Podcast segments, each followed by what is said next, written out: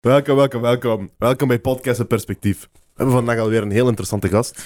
Echt Onze gast van vandaag is Sasha. Ik ken uw achternaam niet, Sasha, maar... Ja, Delsal. Belsal, Ja. oké. Sasha is de eigenaar van The Basement.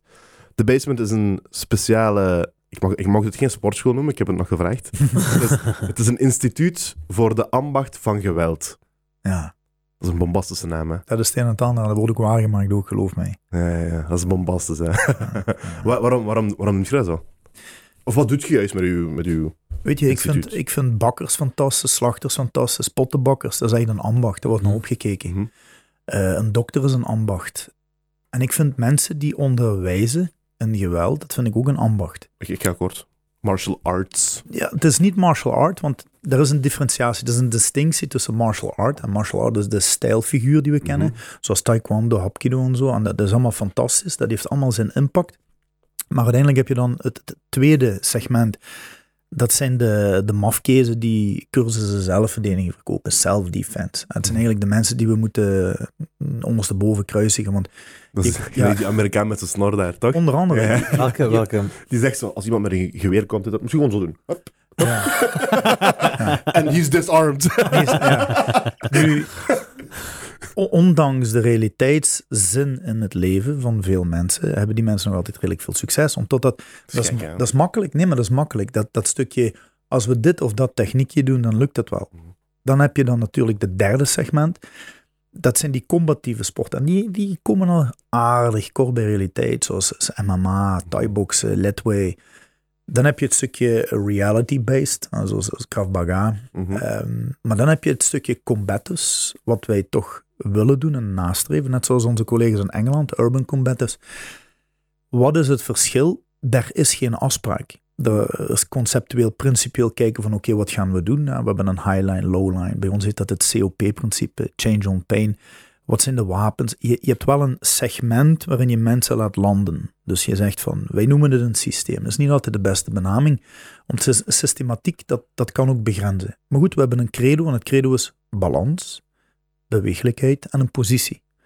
En dat hebben we meegenomen naar nog een andere pijler die we doen. En dus we doen het, het stukje Guardian Combatives. Mhm. En dan doen we een stukje mental edge coaching. En in het coaching van mensen en bedrijven hebben we gezegd van, het is toch lekker om in balans te zijn. Mentaal, fysiek in balans te zijn. Het is toch lekker om bewegelijk door het leven te gaan.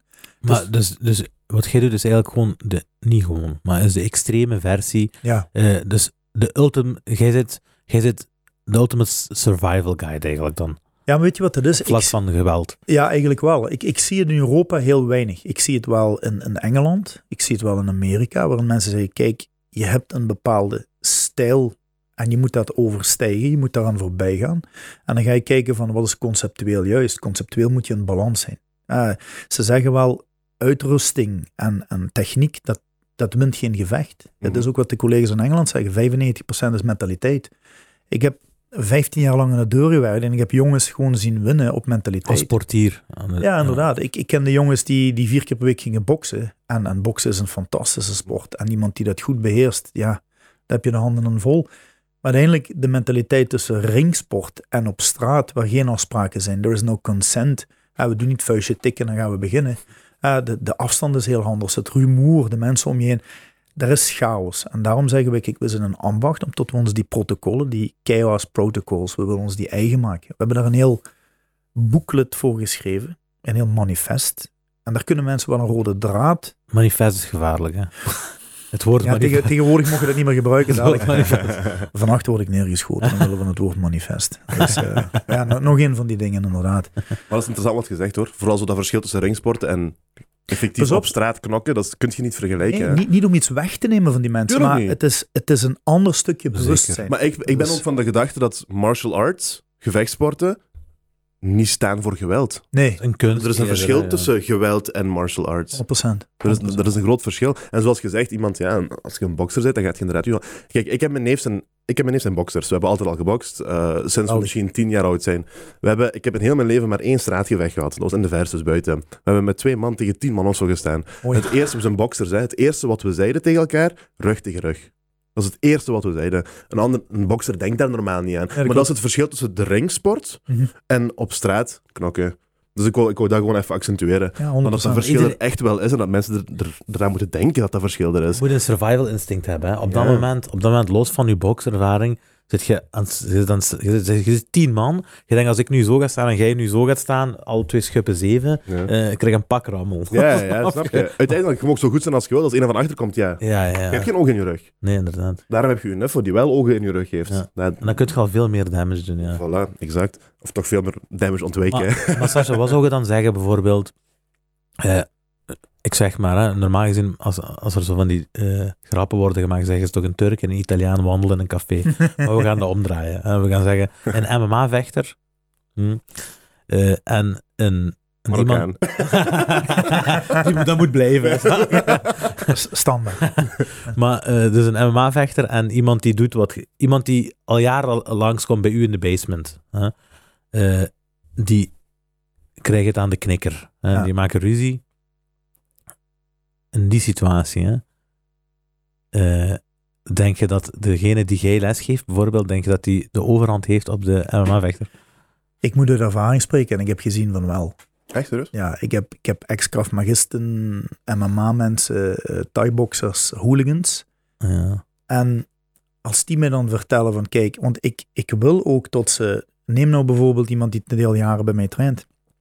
En die bokst. Ik hoop dat hij blijft boksen, want ik vind het helemaal fantastisch. Mhm. Maar die ziet zijn mentaliteit veranderen. Die voelt dat ook. Mhm. Die worden vinniger, die worden, ja, het net dat iets meer. Dat net iets meer, ook dat de, de wil om te vechten. Mhm. Niet blindelings, zomaar gewoon, hé, hey, laten we dat maar gewoon doen. Nee, maar ook van, wat is sluw zijn? Wat is die echt, die ander echt willen pijn doen? Wat is dat? Wat is geen compromis meer sluiten? Het is een grote mentale factor die bij ons wordt aangeleerd. En dat is iets heel belangrijks. Ik heb nooit goede nieuws vernomen tot ik een van de jongens mag voorbereiden voor KOTS. Dat is King of the Streets. King, dat is een eh, Russisch georganiseerd underground street fight circuit. En eh, Pitt. zonder handschoenen. zonder handschoenen en dan mag je echt alles. Ja, mijmen, dus die vingers in dat gezicht. Ah, gewoon naar, het, naar, het, eh, naar de punani, naar je klokkenspel, al dan niet besneden. Dus gewoon, gewoon gas geven. En dat is het ontstaan vanuit de hooligan scene. Waarin mensen willen zien van, wie ben ik nou echt zonder regels? En dan zie je heel veel mensen, de laatste wedstrijd die we keken was een Roemeen tegen een, ik, ik durf niet te zeggen, misschien een Zweden of een Duitser, maar die ene heel goed getraind, een Thai-boxer, mooi afgetraind. En die Roemeen, ja, die zullen zeggen, geeft die mensen een skateboard. 37 seconden later heeft die Roemeen, die zeer goed getrainde, mooie, stilistisch vechtende Thai-boxer, een kopstoot van je welste en dat was afgelopen. Zeker. Dat is dat nooit gehad in de training. En daar ga je dan inderdaad. Mm. Dus uiteindelijk, eh, Mike Tyson heeft gelijk. You won't rise to the occasion. You will sink to the level of your training. Mhm. Wat heb je getraind? Heb je geleerd om hem in zijn gezicht te, te graaien? Heb je geleerd om die elleboog te piken naar dat, naar dat hoofd? Heb je dat niet geleerd? Heb je geleerd als iemand op zijn rug ligt of op zijn buik ligt om in zijn oogkassen te pakken? Als je dat niet traint, ja, dan ga je dat, ja, snap je, dan ga je dat niet doen. Bij, bij UFC, bij MMA zijn op zijn minst 44 regels. De volledige achterkant van het lichaam is verboden gebied. Ja, dan begint het al. Ik ben niet de beste vechter, maar ik heb het jarenlang mogen en kunnen onderzoeken. Ik heb die angst mogen onderzoeken. Ik heb daar iets mee kunnen doen. En uiteindelijk hebben we daar een systematische opbouw in van kunnen maken. En dat helpt mensen. Het Mhm. is niet de bedoeling om killers te maken, maar wie dat wil, die mag dat worden. Hè. Het, is niet de, Ja, het is niet de bedoeling om sociopathie te, structureel in deze maatschappij in te voegen, maar mannen en ook vrouwen moeten leren vechten. Ik ga ermee akkoord. 100%. Terwijl ik zeg, mannen en vrouwen moeten leren vechten. Ik ga er 100% mee akkoord. 100%. Mijn zusje kan knokken, hè. Ik zweer dat mijn zusje kan knokken, hè. Mooi. Die kan meer jongens aframmelen. Die kan jongens waarmee ik heb gebokst vroeger, kan die aframmelen. Ik ben er zeker van. Ik zweer u dat. Als het moet, hè. Je gaat dat Ja, nooit ja. doen als de liefste persoon ooit, hè. Ja, maar dat is heel Maar als belangrijk. het moet, als je in een, als je in een krappe situatie zit, dan die gaat dat niet doen, maar die zou dat kunnen doen. Ja, dat is belangrijk hoor. Ja. Kijk, wat hij nu net aangeeft, dat is heel belangrijk. Je kan dat doen, maar je doet het niet. Je, je hebt daadwerkelijk een keuze. Als je echt kan, ik vraag mensen altijd, moet je kunnen vechten om jezelf te kunnen verdedigen? Er zijn heel veel mensen, 8 op 10 zegt nee. Ik zeg, wat, wat ga je dan doen? Kun je eruit lullen? Wat als die al je kraag vast heeft en die gaat je in op je gezicht pompen? Ja, dat wordt orthodontie, hè? 3000 euro per tand. Zo simpel is het. Ja. En heel veel mensen zeggen, ja, maar dat zijn camera's, dat is dit, dat is dat. Ja, maar je gaat op dat moment gaat je de lappen van je leven krijgen. Dus Voilà. Ja, Jij denkt aan die veel, camera's. heel veel mensen denken aan, aan de bescherming van de maatschappij zelf. Ja. hè. Maar ik zeg ook altijd tegen hem, ik zeg, je vergeet, je vergeet dat we uiteindelijk allemaal kleine stippen zijn op een aardbol. 100%. hè. 100%. En eh, het gaat er gewoon om, individualistisch, om te zorgen dat je zo ver geraakt als je kunt. Hè?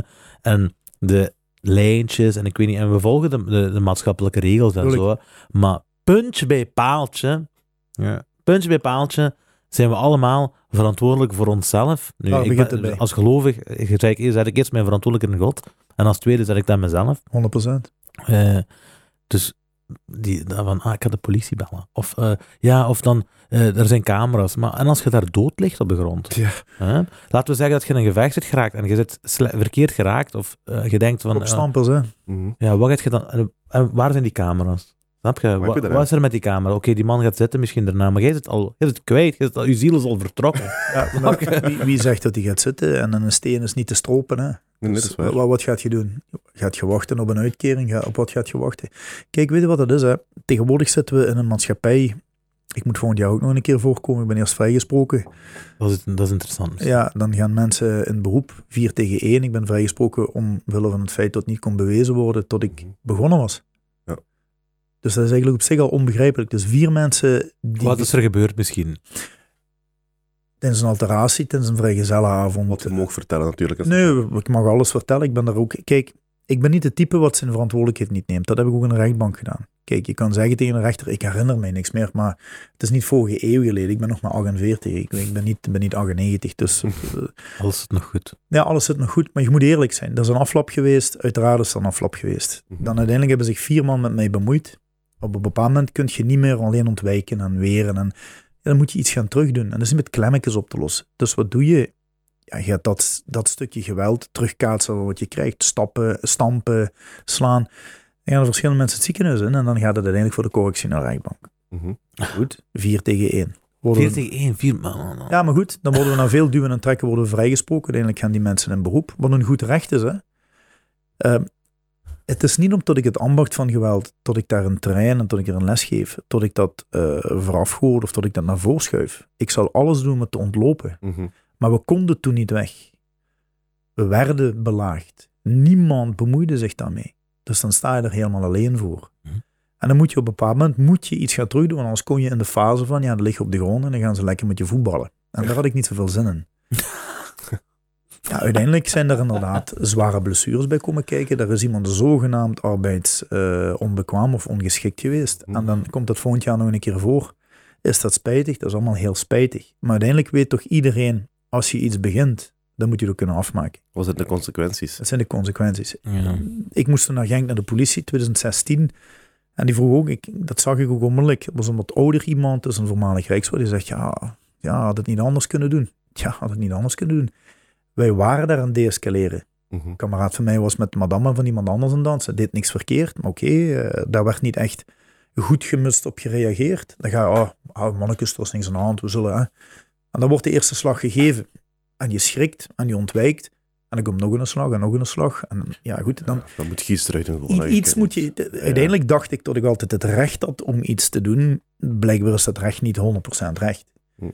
Nu, Wettelijk gezien bedoel je? wettelijk Ja, gezien, ja. Daar, daar, is een, daar is een insteek, ja, gelijkberechtigd. eh, allemaal, alles moet in balans zijn. Dus als iemand duwt, mocht niet onmiddellijk beginnen boksen en al dat soort... Dat Hm. begrijp ik allemaal wel, maar... Ja, wat had je dan moeten doen? Er werd mij ook gevraagd, had u het niet op een andere manier kunnen oplossen? Ik had het heel graag willen op een andere manier oplossen. Maar het ging niet. Je kan niet weg.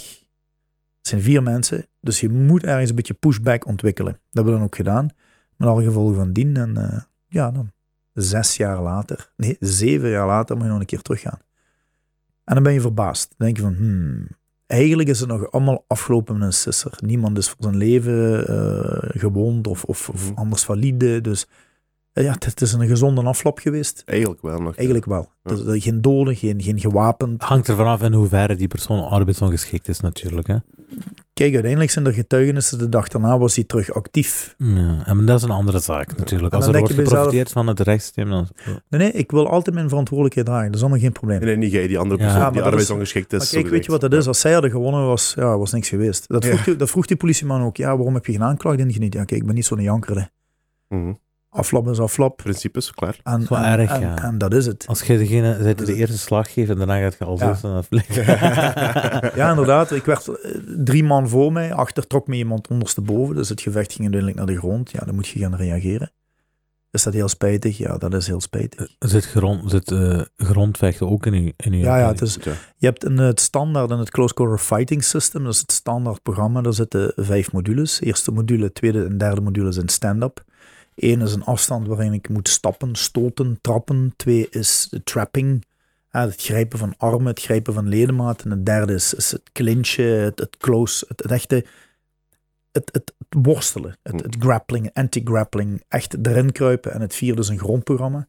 En het vijfde is een specialisatie. En dan ga je door naar de volgende ronde. Dus er zijn eigenlijk vijf facetten in een heel GCP-programma. Dus je hebt eigenlijk de mechanic, je hebt de fight matrix. Mhm. Dan heb je een stukje endgame, waarin we, wat is dat om een nek te breken, wat is dat om een hand te breken, hoe zit dat in elkaar? Wat is weaponized? En met een stok, een mes, eh, een tomahawk, wat, wat is dat? Improvised weapons ook. En het vijfde, dan ga je echt kijken van, oké, waar ben ik nu? Wat is een stukje concentratie? Wat is een stukje meditatie? Wat is, wat is angst eigenlijk op dit moment? Hoe heb je dat onder controle? Heb je zelf onder controle? Dus daar komen allerlei testen die daar naar voren worden geschoven, die vrij mentaal zijn. Dat vind ik heel interessant wat je nu zegt. Uzelf, uzelf erin leren kennen. 100%. Hoe, 100%. wat is die angst? Wat houdt dat in? Wat is die, Een van de het, testen het, is bijvoorbeeld... gevoel, het gevoel om iemand, om de persoon te, Het gevoel dat je hebt wanneer je weet dat de persoon tegenover u je leven wilt afpakken. Hm? En Daar hoe moet je altijd vanuit gaan. jij daar dan op? Daar Ja, moet je ja. altijd van uitgaan. Mhm. Ik zeg dat vaak tegen mijn mensen, kijk, je weet En- dat niet. En dat is wat je zegt, dat zijn die consequenties. Als jij 100%. dan een, een, geve- een gevecht wilt aangaan, dan moet je daar rekening mee houden. Dat die persoon tegenover u waarschijnlijk gaat willen vermoorden zodra je die aanraakt.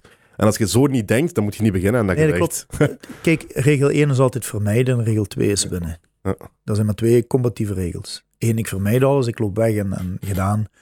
En dan twee, ja, ik, ik win dit gevecht. Ja. Winnen hoeft niet te zeggen dat je met het ziekenhuis moet slaan, maar tenminste heb je wat dominantie kunnen ontwikkelen. Heb je Mhm. kunnen tegen, heb je kunnen duidelijk maken van, kijk, dit hoeft eigenlijk niet. Hé, broer, kameraad, rustig aan. Ja. Rustig aan. Dat, dat, dat is allemaal niet nodig. En uiteindelijk ligt de bal terug in zijn kamp. Mhm. Maar je laat wel zien, ik mag hier ook zijn. We kunnen nog altijd praten. Het is nog altijd goed. Maar als die erop aandringt om fysiek te worden, ja, dan moet het in een doosje doen. Hè. Ja. Zo is dat. Hè. Ja, nee, maar ja, dat, dat is een hele simpele stelregel. Ik ga ervan uit dat hij of zij bekwaam is. En we doen niet aan transgenderisme, het is hij of zij. Mannelijk, vrouwelijk. En kan- iemand die nu diarree krijgt, kan erover nadenken.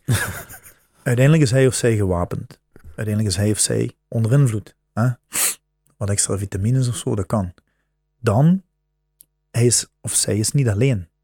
En het vijfde is, dat wordt altijd gefilmd. Dat zijn de, dat zijn de vijf protocolaire insteken. Dus bij mij leren mijn mensen 10 op 10. Train op overkill. Dat wil zeggen tot je extreem geweld beoefent om te leren zelf te deescaleren. Mhm. Als iemand je een duwtje geeft, hoef je geen hoek aan een, aan een knie in het, in het kruis. Dat hoeft niet.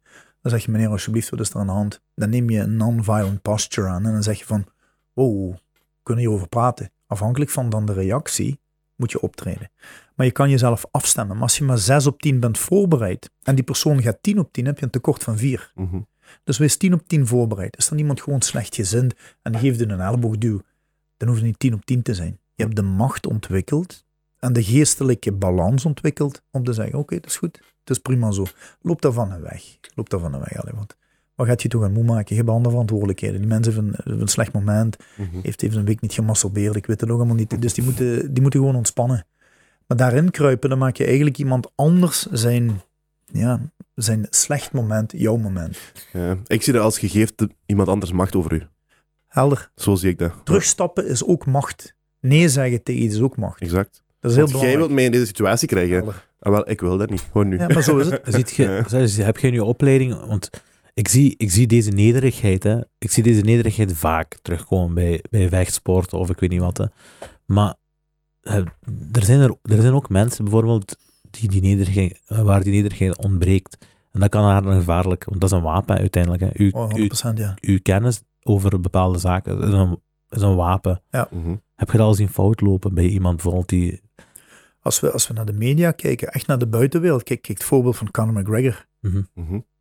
Allee, eerst nederig, in, boven bij zijn ouders wonen, letterlijk en figuurlijk hard moeten knokken. Een badkamertje zo groot als een telefooncel. Dan alles krijgen, alles hebben. Opeens springt die man zijn plon. Dat is gek, hè? Die, die, die slaat mensen, 60-plussers, tegen een gezicht aan om tot die een rare opmerking maken. En dan denk ik bij mezelf, nu persoonlijk heb ik dat ook gezien bij collega's die heel goed konden boksen of dit of dat, die inderdaad een bepaalde oppermachtigheid.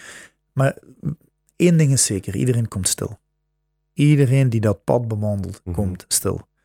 En het, heel veel mensen zeggen altijd, oh, dat zijn heel gevaarlijke mensen. Nee, weet je wie echt gevaarlijk is? Lafaards. En dat soort mensen die misbruik maken van hun kunde, worden ooit gewoon letterlijk in de rug gestoken door een lafaard. Hmm. Ja, zo, ja. En je slaat iemand die, die semi-vervelend is, te hard op zijn smoel, en die wacht zijn tijd af. Die, en die komt rustig terug. En die steek je met een priem in je nier en dan, dan ga je dan. Ja, ja. Iedereen komt dat stil. mensen verwacht. Ja. Iedereen ja, komt stil. Het is niet uit angst dat ik nederig ben, maar uiteindelijk, eh, dat is iets ook wat God verlangde. Mm. God, God vraagt geen eh, grote offergave. God vraagt een verbroken hart, een nederig hart. Voor mij was dat eh, een hele grote uitdaging. Hmm. Want je hebt een ego en je wil van alles doen en dit en dat, maar uiteindelijk doen we niks alleen. Hè. Nee, nee, Dat, nee. is, dat is uiteindelijk, dat weten we allemaal. Iedereen die een geloof aanhangt, die waarachtig aan bidt, die zegt van, hmm, ik ben niet goed bezig. En je weet ook wanneer tot je niet goed bezig bent. Zelfs, de- alleen een sociopaat weet het niet. Die kan geen distinctie maken tussen wat goed of fout is. Wa- Wat is fout? Mensen onderdrukken, mensen minderwaardig behandelen, eh, continu met je eigen te koop lopen, mensen dingen in de weg leggen. Kijk, het is heel simpel. Hoe je zelf behandeld wil worden, ja, ga zo door het leven. Hè. Wees, wees relaxed, doe normaal, zeg hallo. En Mhm. als iemand boos kijkt, niet altijd boos terugkijken. Dat hoeft ook niet altijd. Hier in Genk is het altijd zo van. Mhm. Maar Misschien niet te serieus nemen. inderdaad, het is allemaal zo ernstig niet. dat is het, hè. Ja. Allee, ik heb laatst, mijn vrouw is nu in verwachting. je- Proficiat. ja, dank u. Proficiat. En dan lees je verhalen van, van mensen die een doodgeboren kind op de wereld zetten.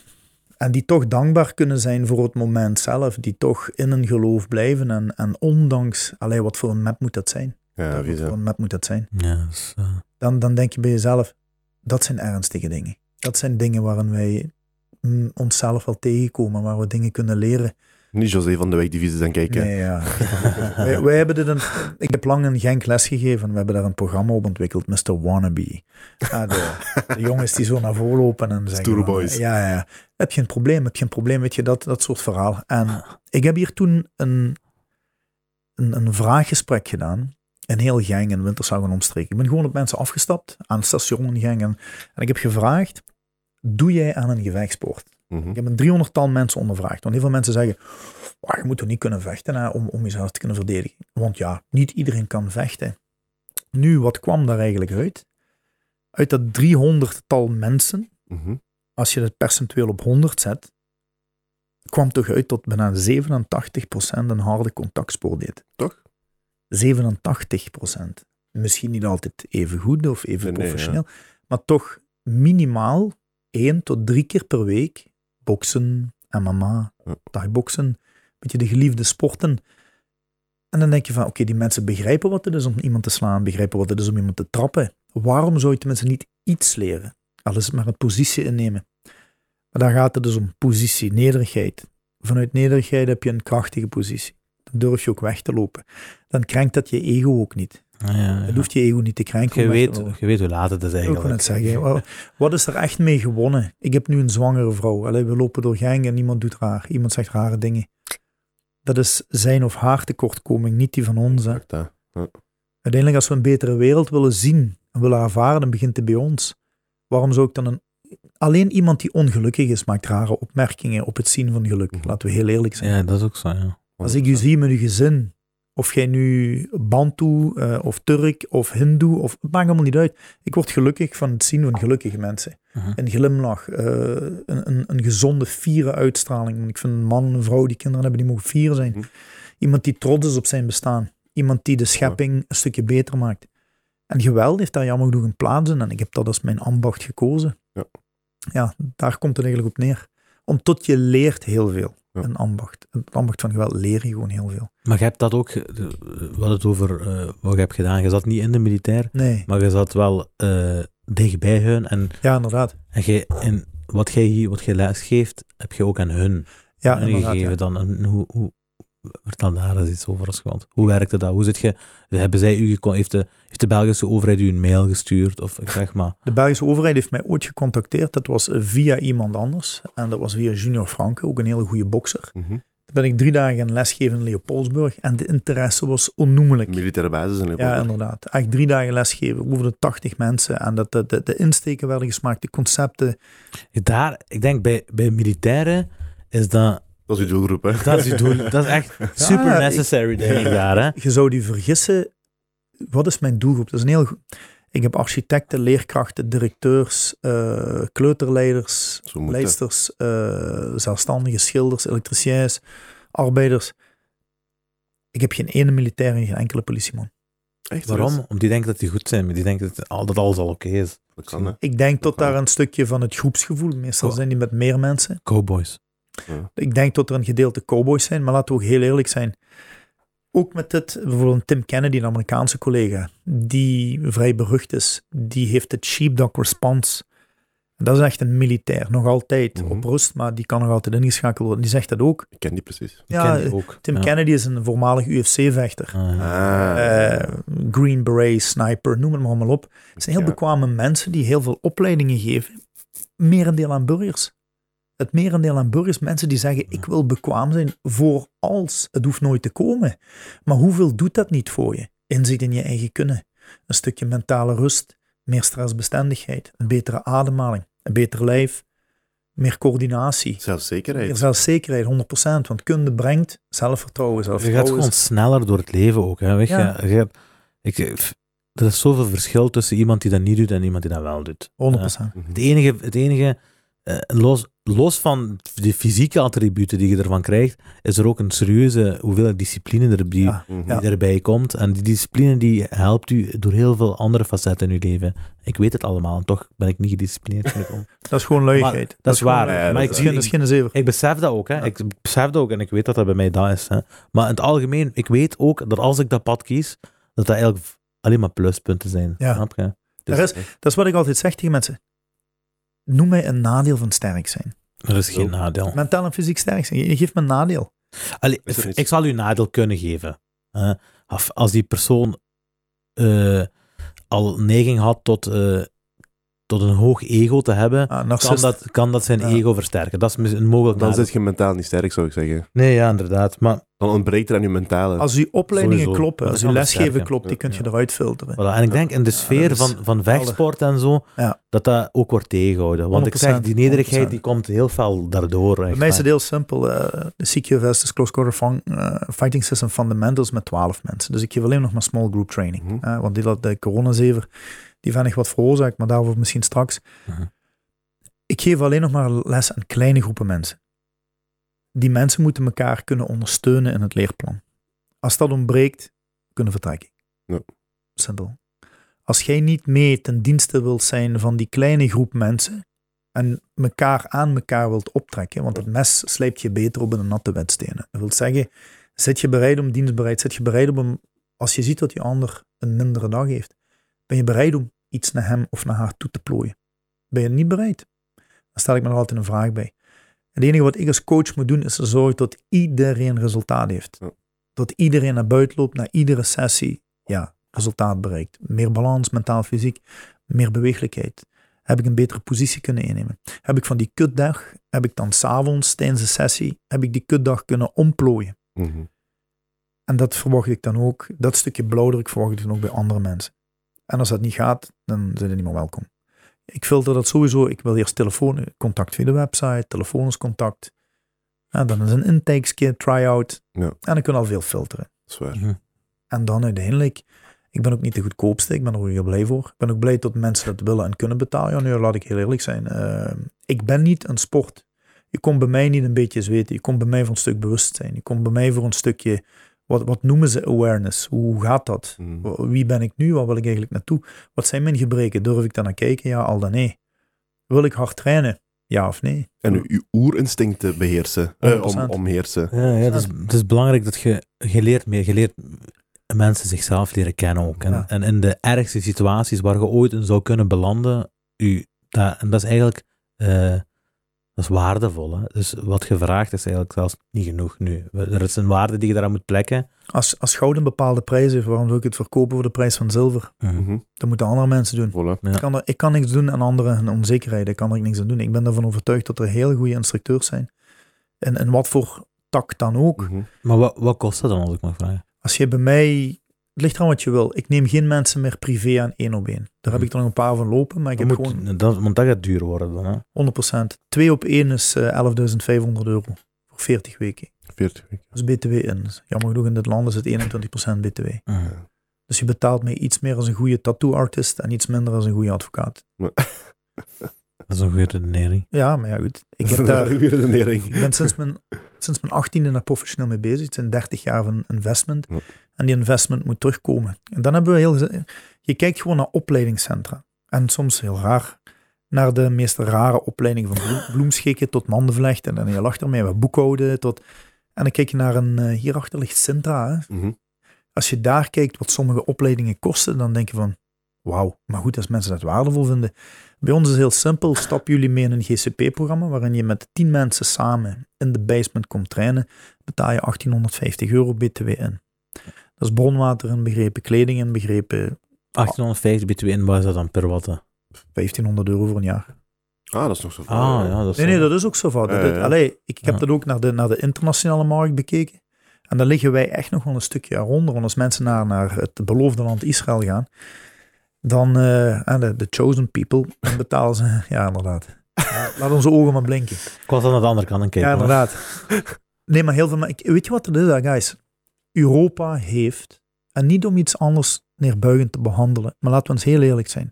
Europa heeft iets te bieden, heeft een rijke geschiedenis. Het Mhm. Pancration het- van het oude Griekenland, en dan spreken we over 3000 jaar geleden.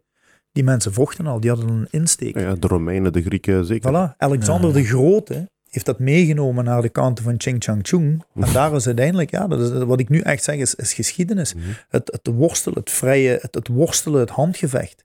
Ze noemen dat nog altijd Greek-Roman wrestling. Ja, inderdaad. Die mensen hebben dat ontwikkeld. We praten over duizenden jaar geleden, nog zelfs voor Christus. En dan denk ik bij mezelf, hier de ridders, de, de zwaardsmeedkunst van de Spanjaarden, die zelfs net zo goed, als al dan niet sommige beter waren, als de zogenaamde katana van de Japanners. Op een of andere manier hebben wij een of andere... Wat ik bewonder aan Turkije bijvoorbeeld, die mensen zijn gewoon trots. Mhm. En ik vind dat heel goed. Iedereen moet zijn eigenheid hebben. Iedereen, ieder volk moet zijn eigenheid hebben. Mhm. Of je nu hier woont of daar, woont, dat maakt me niet uit. Ik vind als je zegt, ik ben een trotse Turk, moet het kunnen. Als, ik vind ook dat een, een Vlaming moet zeggen, ik ben een trotse Vlaming. Dat moet gewoon kunnen. Weet je waarom? Zo, als we een identiteit aannemen, leren we elkaar beter kennen. Ja. Dan weet je tenminste wie je voor je hebt. En Dat enerzijds, je weet wie je voor je hebt en je weet anderzijds ook wie je zelf bent. 100%. En dat dat misschien zelfs nog belangrijker is. Want hoe Dat kun je het. interageren met de wereld als je nog niet eens weet hoe je zelf in elkaar steekt? Als je nog niet eens weet waar jij achter staat. Snap je? Want je, je gaat door het leven, maar als je zonder te weten, door het le- zonder jezelf te kennen door het leven gaat, dan is je gewoon door het leven aan het gaan. Ja, nu, je hebt Maar extreme jezelf gevallen kent- hier. Hè, Ja, sowieso. Nee, maar luister, ja. het is altijd zo wat we... Whatever makes your boat float, but don't sink mine. Ja, Ja. En wat ik net zeg, leven en laat leven. exact dat. Zie die diversiteit, aanvaard de diversiteit, maar waar je ook bent, je past je aan aan de protocollen vandaag. Maakt niet Ja. uit of het nu China is of Amerika of een, een. Het maakt niet uit. Het is wat het is. Als je dat niet wil, dan maak je de keuze om het niet te willen en daarom dan ook niet, gewoon niet te verblijven. Dat is, dat is toch heel simpel. Ja, ja. Als ik naar Abu Dhabi ga en in sommige hotels wordt geen alcohol gedronken. Ja goed, ik drink geen alcohol, maar dan is dat wat het is. Dan je er geen alcohol binnen smokkelen. Dat, nee, dan moet je niet van die... ra- We Voilà. zijn toch geen 14 jaar, hè? Dan, dan moet je Voilà. toch... Ja, gedraag je als, als iemand die, die de wereld aanvaardt Ja. in het stukje zoals het daar is. Dat is een probleem nu, hè. Dat is het grote feit. ja. Of eigenlijk niet nu, van 2000 en wanneer, was, wanneer is de eerste Irak-oorlog gestart? Eh, eh, 19, eh, denk 97, ik weet het niet Ja. zeker. Het zal Ja. ergens die, is Begin 2000 in ieder geval, ja. dat, is, dat is al even aan de gang, maar Je kunt lachen met Dries van Langenhoven, maar die heeft dat zelf aangekaart. Weet je wat Dries van Langenhoven zei? Oh, oh zegt hij, uiteindelijk, Amerika is het altijd Amerika geweest voor de democratie. Zijn in Afghanistan en Irak naartoe gegaan om, voor democratie. Dat, Ja. eh, Aan de hand van bommen, nee. ja, maar snap je wat ik bedoel? En dan denk je mezelf... er waren wel massavernietigingswapens aanwezig. Ja, er is nog nooit een schroef van gevonden, maar uiteindelijk... Kijk, en zo kun, je, zo kun je heel kritisch naar de wereld kijken, maar waar we nu eigenlijk over spreken is het feit... ehm, het begint bij jezelf. Die eigenheid. Wie ben ik? Hoe kijk ik naar de wereld? Hoe reflecteer ik naar de wereld? Hoe kan ik met een ander iemand omgaan? Optimaal, we noemen dat werkbaar. In onze coaching zeggen we, ben je werkbaar? Ja. Moet er altijd een supervriendschap ontstaan? Nee, maar een stukje broederlijke kameraadschap. We zijn allemaal mensen. Gewoon joviaal zijn ten opzichte van hallo. elkaar. Hoe gaat het? En, en ah, hoe is het met je dag? En wat ga je doen? En fijn om je te leren kennen. De normale beleefdheidsnormen. Ja. Mhm. Het zal zo moeilijk niet zijn. Ja. Ja, blijkbaar is dat heel... Maar dat wordt op school ook niet meer geleerd, hè? Dat is erg, hè. Op school word je geleerd hoe eh, het, het leeghoofd maximalisatieproces noem ik dat. En laten we heel eerlijk zijn, je bent 18 jaar, je komt van school, dan moet je gaan kiezen, ja, wat gaan we nu doen? Mhm. Je komt van de universiteit af en zeg je, ja, wat gaan we nu doen? De meesten weten niet wat voor of achter is. Dat is echt, hè. Ik, ik moest toen kiezen, ja, ja, 19 jaar, en ik zeg, van eh, het is goed zo. Ik ga werken, ik ga geld verdienen en ik word zelfstandig, gewoon ondernemer. Ik doe iets waar ik goed in ben. 21 jaar begonnen. Dat is, Wacht, misschien moeten we terugkomen op hoe Ja. is in contact komen met de overheid. Want Ja, ja. Zo was de vraag begonnen en ik weet niet hoe, maar we zijn helemaal derailed. De, de Belgische overheid, dat is eigenlijk heel simpel. Het verhaal heeft dus drie dagen en een half geduurd. En daarna was er geen fonds en geen dit en geen dat. En toen Mm. heb ik ook gewoon gezegd, ik zal nooit in de Belgische overheid lesgeven. Ja, serieus. Ja, ik, ik vond het goed zo. Ik vond Ook, het ook niet als freelancer zijn, dat zou ik ook niet doen. Nee, nee, nee, nee, nee. Dat, dat, dat- voor mij is het goed zo. Kijk, willen die mensen... eh, Weet je wat het altijd is? Het is altijd het probleem, is altijd geld. Mhm. Dat is altijd een gezeur. Besparing, besparing, besparing. Ja, je, je ziet alles vooruitgaan, de, de, de pre van de ministers, dat. Ik zeg als ondernemer, en nu moet iedereen daar heel goed naar luisteren en heel goed onderstrepen. Een land dient een overschot te hebben. En een land als België, waar zoveel betaald wordt, daar dient een overschot te zijn. En een tekort wordt gecreëerd door de mensen die bovenaan besturen. Mhm. Ik zie dat als een ondernemer. Als ik al zoveel jaren failliet was, dan hadden ze mij gevierendeeld. Mhm. Als ik al zoveel jaren mijn btw, mijn bedrijfsverheffing, mijn be- belasting niet zou betalen. Het, ieder jaar hebben we van een tekort wil zeggen mismanagement. Daar word je in België als ondernemer voor gestraft. Ja. Ja. En die komen ermee weg. De schande van de wereld wilden ze komen zien. Nou wel, hier in België. Ja, dat is waar. Maar goed, de overheid, nee, waarom niet? Niet omdat ik, kijk, ik geloof in een hiërarchie. Even regels, normen, waarden, structuur. Geen enkel probleem. Maar die hiërarchie, die moet werkzaam zijn. Anders krijg je muiterij. Ik ben nog altijd verbaasd dat er geen muiterij is uitgebroken. Tot, gek, tot, tot, tot we niet, ja, nee, dat is niet heel gek. Ik ga er dadelijk ook dieper op in. Maar als je Eh, kijkt naar bijvoorbeeld de Gilets jaunes en zo, hebben we er pas nog over gehad. Mhm. Eh, de Vlaming te braaf is. de Vlamingen in, Frankrijk, in Frankrijk hebben die... Hebben die hebben die verzet daar, Ja, hè? ja, 100 procent. Ja, Ja, wat, hebben die, wat, wat is eigenlijk het resultaat? Dus, eh, hebben ze daar iets uit gehaald Ja, eigenlijk? zeker, zeker. Ja, echt? Er zijn veel structuren niet doorgegaan die onze geweldige vriend Macron wel wilde doen doorgaan. En die hebben gezegd, nee, nee, nee, nee, nee. Dat gaan we niet doen. En dat is gekomen omwille van het feit dat die hebben doorgeduwd, zo geweldloos mogelijk. Mhm. Maar uiteindelijk, ja... Als Weet je wat dat is? Hè? Heel, veel mensen, heel veel mensen hebben zo'n... eh, het gevoel dat we in een fantasie leven waar, eh, De waar meeste alles mensen- perfect in orde is. En je, ze beseffen niet dat bijvoorbeeld, ik zeg maar, ik, ik geef een extreem voorbeeld, dat Hitler aan de macht is geraakt door verkiezingen. hè. Je moet denken, die is verkozen geworden en ineens, ineens, bam, was het daar. Hè? Of ineens bijvoorbeeld, ja, eh, oorlog in Irak, dat is zover, en ineens voor de deur, nu, hier in Oekraïne. Dat, dat is altijd en dat is nog altijd ver in het hoofd, Ja, hè? Ja, ja. maar dus dat is nog altijd zo zo, ver. ah, maar hier, dat is niet hier. Nee, nee, nee. maar nee. alsjeblieft, dus, Oekraïne is acht niet zo- uur rijden, hè. Ja, ja, toch Ja, hier een bom ontploft. Ja, Ja. dus... Weet je wat het altijd is? Het zijn georchestreerde dingen. Dus ja, we gaan nu van overheid naar dit. Ik zal er twee minuten over uitweiden wat mijn visie is. Gelukkig onder onderbouwd door tientallen mensen op social media die sociopolitiek echt wel onderbouwd zijn. Ik ben daar iets minder mee bezig, maar één en één is twee. Mhm. Als er tekorten zijn, is er mismanagement. Zeker als je ziet wat we allemaal moeten betalen. Ik heb dat vaak aan mensen gevraagd. Als je in Limburg neemt, alle grondbelasting, alle autobelasting, alleen die bedragen, alleen in Limburg, dan heb je een paar vrachtwagens nodig met briefjes van 500. Hè. Mhm. Niet vergeten, alleen in Limburg. Hè? De taxen op alles en nog wat. De tax op voeding, de tax op stroom, winst van 6% naar 21%. Letterlijk alles. Ik neem het woord onderdrukking vrijelijk in de mond. Wij zijn financieel onderdrukt. We zijn slaven. maar we zijn, ik gebruik dat ook vaak, we zijn, eh, we zijn de moderne, dit is moderne Nee, we zijn, we zijn gebonden door onze, onze schuld. Ja. En uiteindelijk, welke schuld? Weet je, hier wordt er, er wordt hier gezegd, ehm, je, moet gaan, je moet gaan studeren of je moet gaan werken. Eh, uiteindelijk gaat iedereen werken. Je werkt van 9 tot 5. hè. Je werkt van 9 tot 5 en dan op het einde van de maand, hè, dan heb je eigenlijk bijna geen geld meer over. Of m- dat. misschien kun je een beetje sparen, zodat je om de zoveel Als je ergens bijpoot, kunt. wel ja. Op, Als- eh, Nu, veel mensen die dat willen, die poten bij. Die doen nog iets extra's. Nee, ja. Amerikaanse toestanden. Als je een beetje wilt leven, dan moet je wel. Ja, dat kunt niet zomaar een en job haal, hebben nu en haal je dat niet meer alleen. op een maandsalaris. Weet je wat, het is een beetje leven. Ik ben altijd heel relatief. Ehm 2020 sloeg de corona-hoax toe. Mhm. Ehm, en ik noem dat een hoax en ik zal dat altijd een hoax blijven benoemen. Want zoals nu de informatie vrijelijk naar buiten komt, weten we tot we toen en nu nog altijd voor de gek willen houden. Maar mijn vrouw en ik hebben onze zaken moeten sluiten toen. Was er, was er daar misschien daarover... Maar heel simpel, en 20 maart, 12 maart 2020 dicht. Welke, welke zaak was dat Ik toen? had toen de lab in Genk, ik had de lab in Antwerpen. Mijn vrouw had creative in Genk. Mhm. Drie zaken dicht. 15 15.000 euro omzet, eh 15.000 euro kosten per maand. Je kreeg van de staat 2500 euro. Dan 8 juni mag je terug. Het zijn drie maanden later. Meer dan de helft van het cli- cliënteel is weg of is, heeft schrik. Mm. Doe het maar. Hè. Dan ga je de zomer in. En dan start ik nieuwe programma's op. Ik ben ondernemer, dus ik vind mezelf wel terug uit. Maar dan nog, ik wist dat er weer... Dus Antwerpen deden wel dicht. Heel veel geluk gehad met die eigenaar die zei, oké, ik begrijp het. Mhm. Maar normaal gezien heb je hè, huur, Nog zoveel maanden. huurcontract, Ja. maanden en jaren ook. Hè. Een, een, een huurcontract vroegtijdig beëindigen, die pak je ook. Ja, Dat is ja, echt- die, ja, eh, ja. die kunnen nu, als ze willen, maar goed, dan had ik de boeken dicht gedaan, dan was ik failliet gegaan. eh, Had die, dat ja. heb mij niet gelaten. Er is altijd een oplossing. Maar ik ga voor constructieve oplossingen. Maar goed, en ik wist dat er een tweede lockdown aan ging komen in oktober 2020. En toen heb ik ook mijn opzeg gedaan in Genk. Die was daar niet zo blij mee.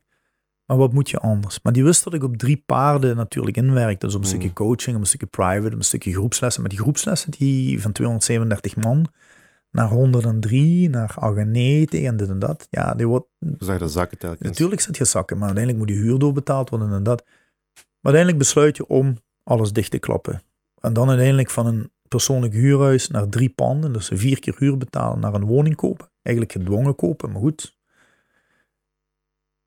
Weet je wat het is? Hè? Heel veel mensen kunnen zich dat niet voorstellen. Dat is crisismanagement, vijf sterren. Hè? Ja, ja. En dan opnieuw beginnen en, en daarom... Ja, ik moet wel zeggen, ik, ik heb uw huis gezien, je woont schoon. Hè.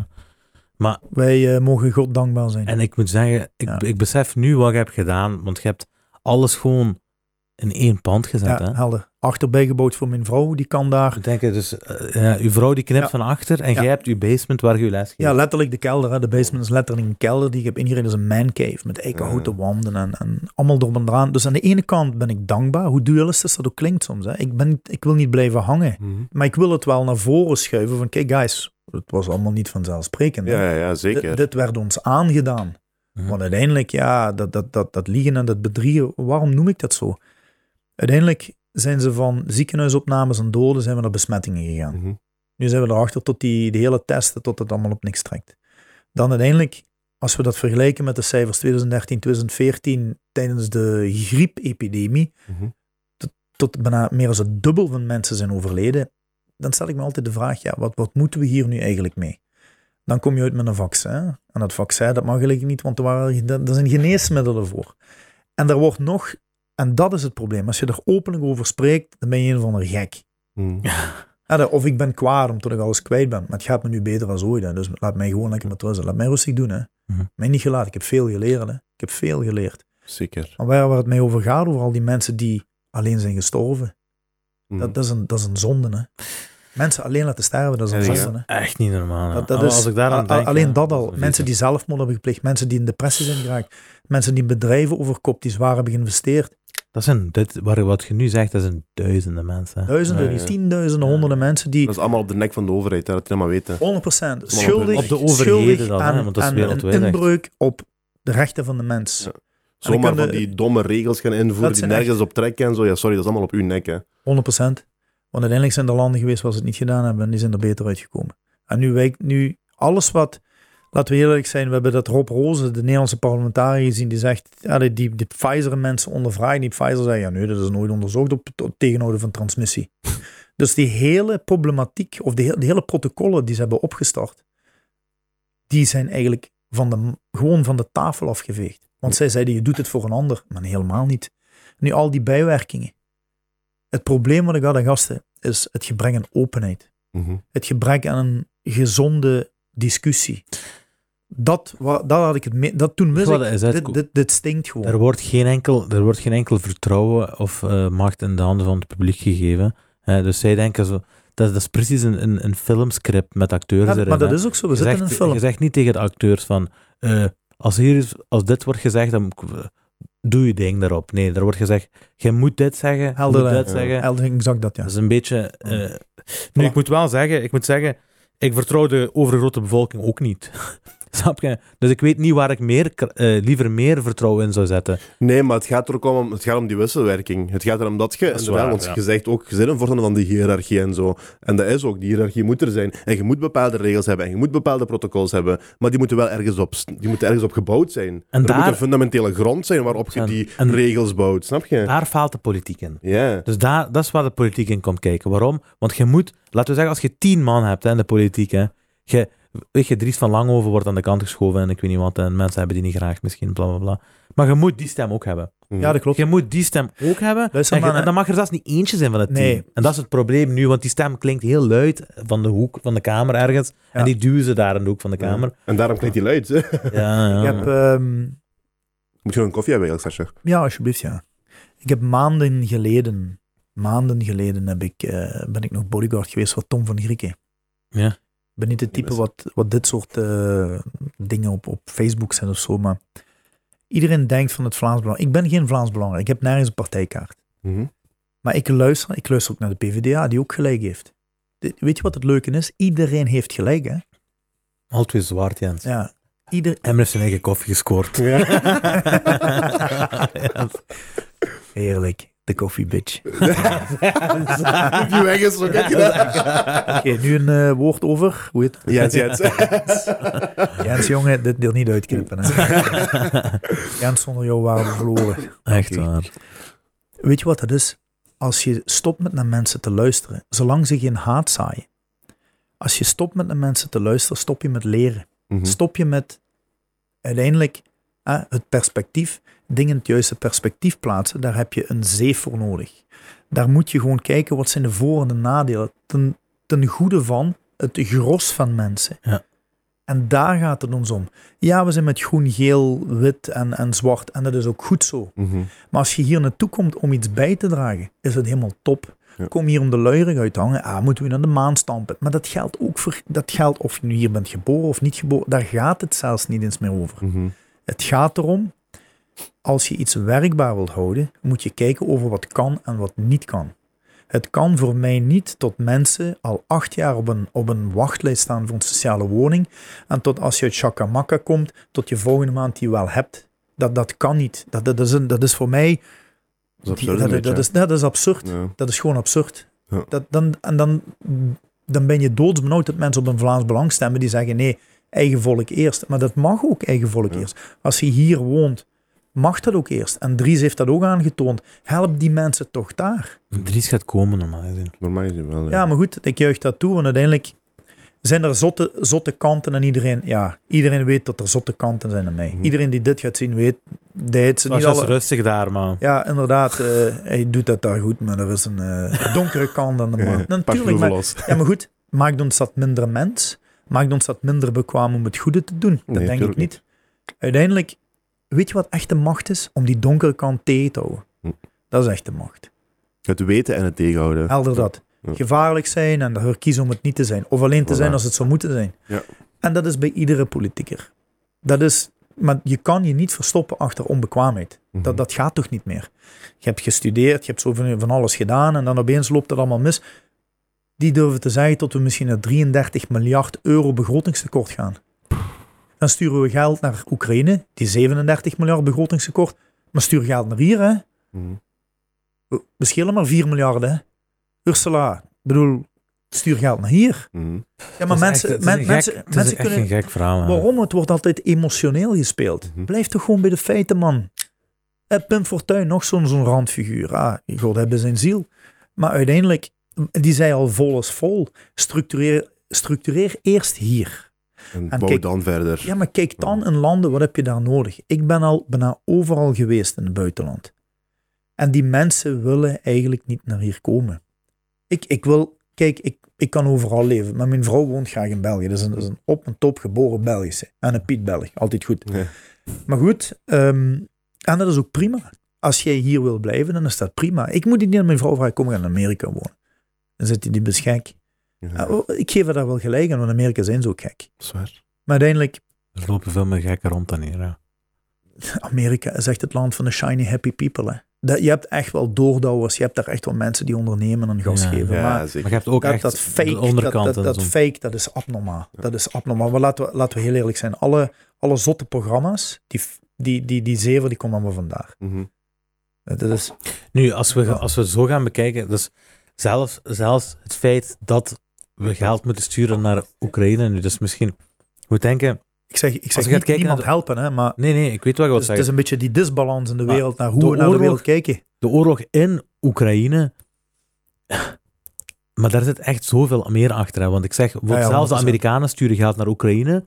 Maar zij zijn, zij zijn bijna niet onrechtstreeks, bijna rechtstreeks verantwoordelijk voor de oorlog zelf. Er zijn, er zijn zoveel manieren. Moet denken, Oekraïne is een buurland van Rusland. Ja. Hè?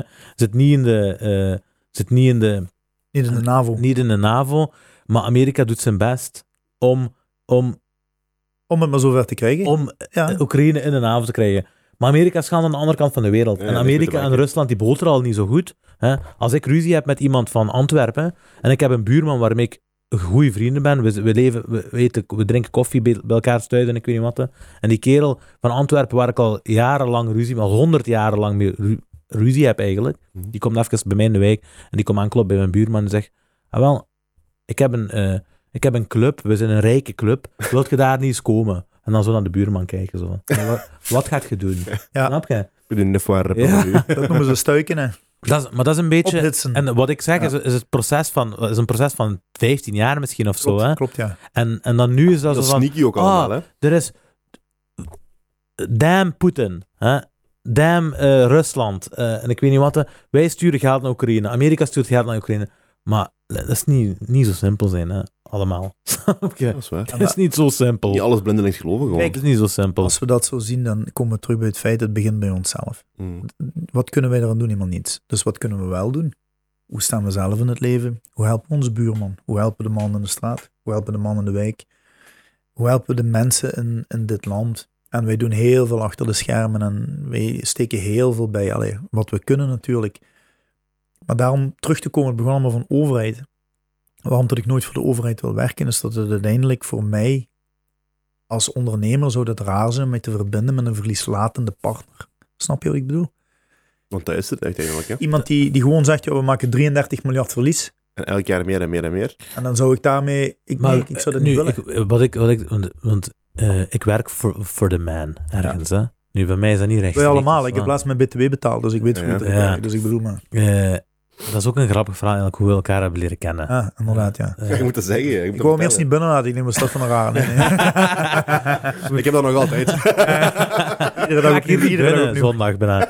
Maar, eh, dus ik ga eerst antwoorden op dat. Hè. Ja. Dus eh, inderdaad, de overheid is een, een verlieslatend eh, iets, maar de overheid is zo groot en is zo multifaceted dat er altijd geld komt en dat geld wordt eh, reallocated naar verschillende dingen. Dus ik zeg maar bijvoorbeeld, hè, en het nu, iedereen in België krijgt de digitale meter. Daar, wordt, daar worden miljoenen, als dat niet meer is, geld in ges- gepompt. En, Ja. en ik dan bijvoorbeeld, als onderaannemer zijnde, het is niet dat de overheid in het algemeen geld verliest, dat ik nu, daar is geld. Dus in, in het gedeelte wat zij willen doen, wat zij willen eh, bereiken met die digitale meters, daar zit geld in, dat werk moet gedaan worden. Los van het geld, dat werk moet gedaan worden. En dan zeg ik, dus ik mijn handen omhoog, en dan zeg ik, eh, ik, ik zal wel, ik kom helpen man. Ik zou wel ik zou wel voor u rennen. Doe de leiband maar om. ik zeg als dat een gouden leiband is, hè. nee, nee, ik lach. Dat is geen leiband. Moet je maar- ermee lachen uiteindelijk. Ja, ja. Maar, ehm, dus ik ben bij u gekomen voor een digitale meter. Ja. En je had geweigerd. Ja, ik, ik liep naar buiten en ik zeg, nee, dat hoeft niet. Toen ben ik eh, even gaan zoeken en dit en dat. En toen heb ik gezegd, oké, ik laat dat nu toe. En daarna trek ik mijn plan. Je zei, ik heb, zei, ik heb mijn advocaat gezegd. Je zei eerst, Ja. je zei ook op een beleefde manier, Ja, van, ja, ja. ik ga dat niet doen. En ik zei dan ook van, Ik had nog kunnen wachten, dat was voor mij heel duidelijk. Maar ik wilde geen... Ik wilde niet te veel wind doen opwaaien. Ik heb geen zin in gezever. Zoals ik zei, mijn vrouw is zwanger en ik wil daar geen stress aan doen. Mhm. Maar ik ga dat nu anders doen. Dus Nee. ik weet dat ik volgend jaar tot... eh, want ik heb Fluvius al een mailje gestuurd van je mocht de gas komen afsluiten. Dus ik ga, ik ga mijn plan trekken. En ik hoop dat heel veel mensen een plan gaan trekken. En dat is de enige manier om als volk op te staan om minder in gezever te investeren en drie, vier keer per jaar op vakantie en iedere weekend weg. En investeer in jezelf, investeer in je zekerheid. Zo investeert je ook in het milieu. Want als iedereen Mhm. bijvoorbeeld eens wat zonnepanelen met batterijen, daar een meer bewuste structuur op zet, ah wel dan twee vliegen in een klap, hè.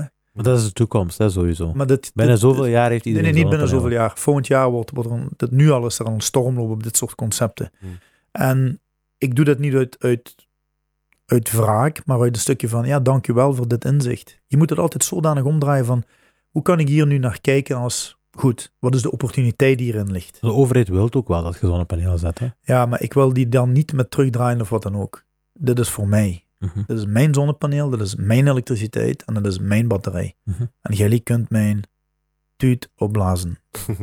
Nee, ik ben daar helemaal klaar mee. Ik betaal meer als genoeg. Als ik het geld hier op tafel moet leggen van de afgelopen 10 jaar, 21% belasting, BTW op een dienst.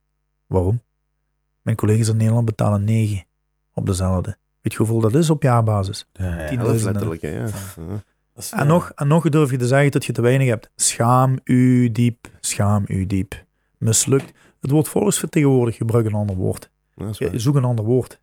Zoek een ander woord, want u vertegenwoordigt het volk niet. Nee, allemaal- ik probeer gewoon een check te pakken van jaar tot jaar. Dat is Helder. gewoon om de zoveel jaar eh, moet hij zorgen dat hij terug aan... eh, dat hij terug... Je moet denken, net zoals ik zeg, eh, daar zit geld in voor de digitale meters. En, en, dus ik ga, doe mijn handen omhoog. Doet, die- doet die persoon Maar hetzelfde en die probeert om de zoveel jaar gewoon een nieuw contract Ja, te maar ik ben voor opportuniteit, maar ik ben wel voor resultaat. Er is geen resultaat. Ja, negatief resultaat is ook een resultaat. Maar ik ben voor een resultaat ten goede van iedereen. En daar worden geen knopen doorgehakt. En dat is weer het verhaal, het verdeel- en heersverhaal en cirkeltjes draaien. Maar degene die knopen wil doorhakken, die wordt, die wordt gecensureerd. die wordt gecensureerd. Ja, die wordt gecensureerd. Dus nee, ik ga nooit voor de overheid werken. Ik zal het altijd privé doen. Eh, ik heb privé uiteindelijk aan de deur gestaan. Ik heb privé gebodyguard. Ik heb privé freelance opdrachten gedaan om mensen ehm, nog meer capabel te maken. Dat is ook een van onze credo's.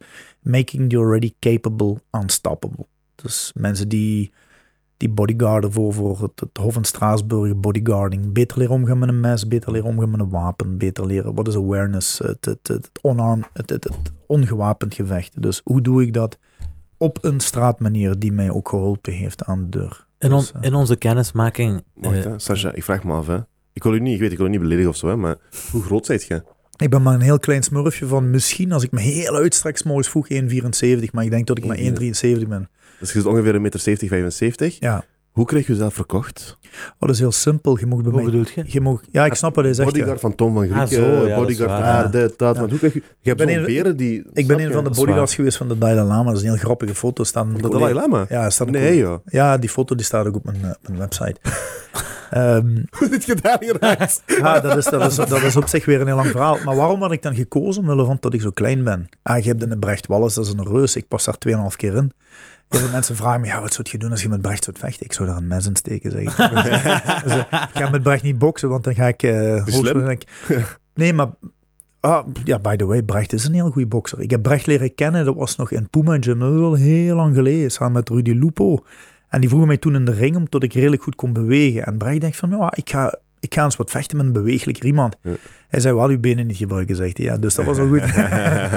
maar ik moet zeggen, ja, de, die, de man is capabel. De man is ook heel fijn, heel lief, Mhm. heel wel besproken. Ja, dat Eh, en dat, dat, dat weet ik te appreciëren. Maar, maar swat, hoe krijg ik mezelf verkocht? Door, niet door de beste vechter te zijn, maar door u te laten zien wat jij wel kunt. Wat je nu al kunt, maar wat je nog meer zou kunnen doen.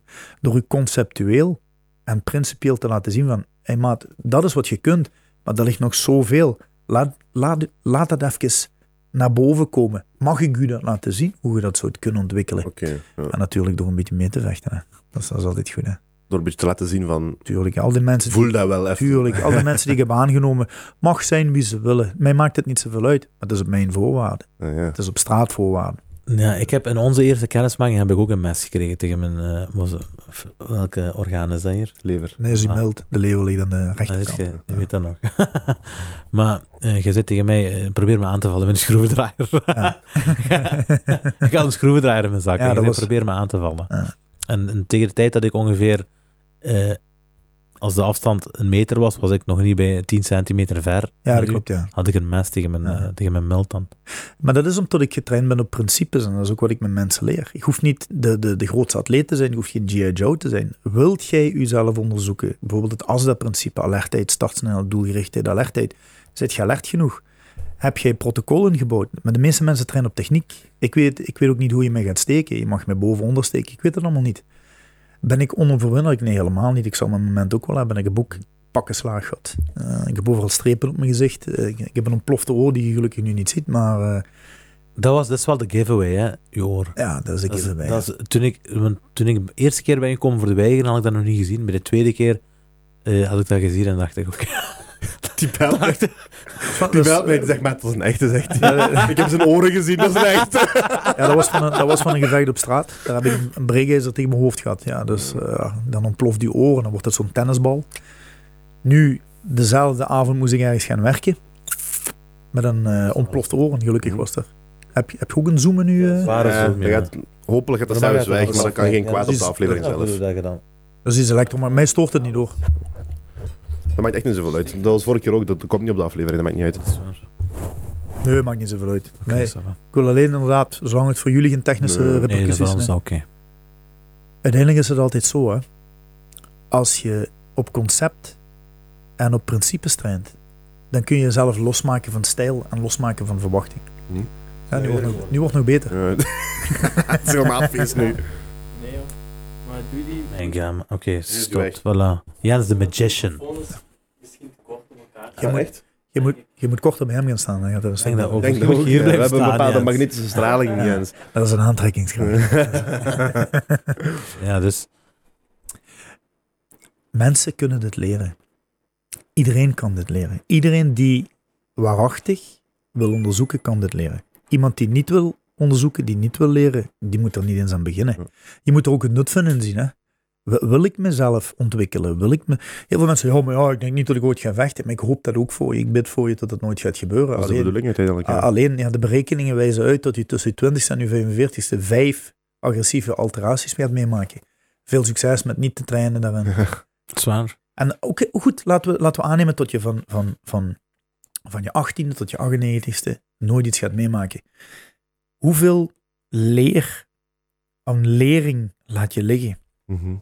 Dat is echt, hè. Hoeveel momenten van zelfontdekking laat je niet liggen? Hoeveel men- momenten van fysiek-mentale groei laat je niet liggen? Waarom zou je dat laten liggen? Ja, uit luiigheid, dat hebben we al besproken. Maar eh, je, moet, moet je discipline hebben, ja. Nee, je hoeft niet gemotiveerd te zijn. Motivatie, dat is allez, 48 uren, kumbaya. Je moet ook komen als het u niet zo goed gaat. Dat zijn de unieke momenten. Dat in, dat in de dagen. Als, je geen goesting hebt, Ja. een goesting, een mooi Belgisch woord, dan, dat zijn de sessies. Die, die greasing the groove, die slaan erin. Ja. En dat is heel belangrijk. Dus die, die hele setting heeft mij eigenlijk gevormd tot wie ik ben. En ik ben de mensen die mij... Mijn mede-founder en beste vriend is een ex-commando.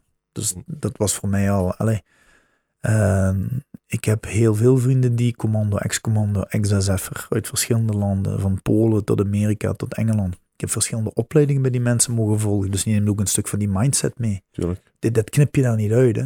Wat die ook doen, dan leren die jou een weekend omgaan met wapens. Eh, die mindset is daar. Je hebt nu... Je hebt, je hebt zowel les gegeven in het Belgisch mi- militair, dus zowel eh, in Leopoldsburg, en je hebt ook contacten in het buitenland met commando's. Ja. Wat zou je zeggen dat zo een groot verschil is wat je ziet? Als hoe, ik, hoe, hoe zou je zeggen dat het Belgisch militair of de, de mindset, hoe zou je die vergelijken met die van andere landen? En met welke land dan ik moet eerlijk zeggen, als je, als je de blauwdruk bekijkt van SF, die, die paar mensen wat ik heb echt mogen wat meemaken, SF? eh, Special Forces. Dus Waar, hier in België? Zo een- Ja, Oké, ja. als je die bekijkt met ten opzichte van bijvoorbeeld Frans, een legionair of wat het, het ligt eraan. Kijk, eerst en vooral, het is een etiket wat, je- wat wordt geplakt. Mhm. Ja, Zo'n Joko Willink, een ex-Navy SEAL, ook vrij bekend, Joko Willink Ja. podcast, die zegt dat ook. Ook al is er iemand een SEAL, het Mhm. kan evenzeer gewoon een nurk zijn. Hè. Mhm. Het wil niet zeggen dat je daardoor een beter mens wordt. Maar als je het hebt over mentaliteit, doordouwen en discipline, denk ik dat de merendeel ongeveer dezelfde blauwdruk heeft. Ja. Dat zijn accenten. Hè. Ik heb Engelse klootzakken gekend, ik heb Franse klootzakken gekend, Amerikaanse klootzakken, Poolse klootzakken. Klootzakken, dat bedoel ik, en dat bedoel ik positief. Hm. die bereid zijn om die blauwdruk ook naar je over te brengen. Mhm. De, de echte sociopaten, die heb ik nog niet meegemaakt. Ja, goed, dat is voor iedereen. Wat, wat, wat is de differentiatie tussen wat ik vind en wat iemand anders vindt? Kijk, je hebt dat programma. uw grens zit wel hoger. Ja, wat is uw grens? Kijk, op een bepaald moment gaat het SAS-programma op de BBC, die voormalige eh, Special Air Service mensen, die, die pakken dan voor gewone normale mensen zoals wij, en die gaan in een bootje en die voor de kust, twee kilometer voor de kust moet je eruit springen, moet je zwemmen. Ja, voor heel, veel mensen zeggen, die zijn gek hè. Mhm. Maar je doet eraan mee en je weet dat je zulke dingen kan verwachten. Dus maar wat is je mindset? Ja, waar wil je naartoe? Als je al weet van dit wordt van jou verwacht, ja, dan moet je niet verbaasd zijn. Hè? Mhm. Eh, helikopter 6, 7 meter boven het water, ja, je liever nu eruit te springen. Anders dan gaan we landen, dan kun je naar huis gaan. Ja, dan moet je eruit springen, hè? zo simpel is het. Als je niet bereid bent om die dingen te doen, en waarom worden die dingen gedaan? Eén, operationeel kan dat soms gebeuren. Mhm. Maar twee, je leert jezelf door dat stukje angst beter kennen. En je, inderdaad, je durft die grens een beetje opschuiven. Je leert het risico stilletjes aan kennen. En je leert jezelf kennen en je doet dingen kunnen. Eh, Iets kennen en kunnen, dat is een verschil. Tuurlijk. De beste. Zoveel ervaring heb ik er niet in. Maar ik moet heel eerlijk zeggen, als ik, als ik echt moet kijken naar mentaliteit. Ja, die Baltische landen, die Slavische landen. Ja? Polen. eh, ja, dat, dat Russen. Ik heb in Rusland getraind een tijd en daar zitten er ook wel een paar bij dat, weet je, die spetsnaars en zo, ja, dat, dat, dat is gewoon een mentaliteit. Ja, dat is ook zo. Geen verwarming, niet gepoetst onder in een kelder, 30 Echt man aan zo, het trainen, ja. echt zo rouwdouwen, gewoon brrrt, maakt niet uit wat. Dus we letten nergens op, we gaan gewoon gas geven. En dat, Ja. dat, dat, dat is daar, ja, dat is heel normaal. Er wordt niet gekeken van, is het allemaal mooi en, en liggen de matjes goed en is het gepoetst en hey, je, je mocht wel een keer gestoft. Daar wordt gewoon niet over gepraat. Daar moet ook een speciaal mens voor zijn. hè. Ja. je moet er, er was, was een club in Sint-Petersburg, de, de gewichten lagen allemaal op de hoop, de kettlebells waren half verroest en, en ja, Fuck it. het, het, het licht, het, het simmerde zo'n beetje. Geen idee hoe het kwam. Het was daar vochtig, ik denk 14, 15 graden. En dan trainen. Hè. Omkleden, ja, was één kleedkamer. Met z'n allen erin. En niemand die zegt. Nee, iedereen, oh, dubbel, dubbel. Ja, en dat was heel normaal. Ik denk, ja. ja, dan maar. En dan de, Just go with the flow, hè. ja, niet go with the flow. Je doet dat gewoon.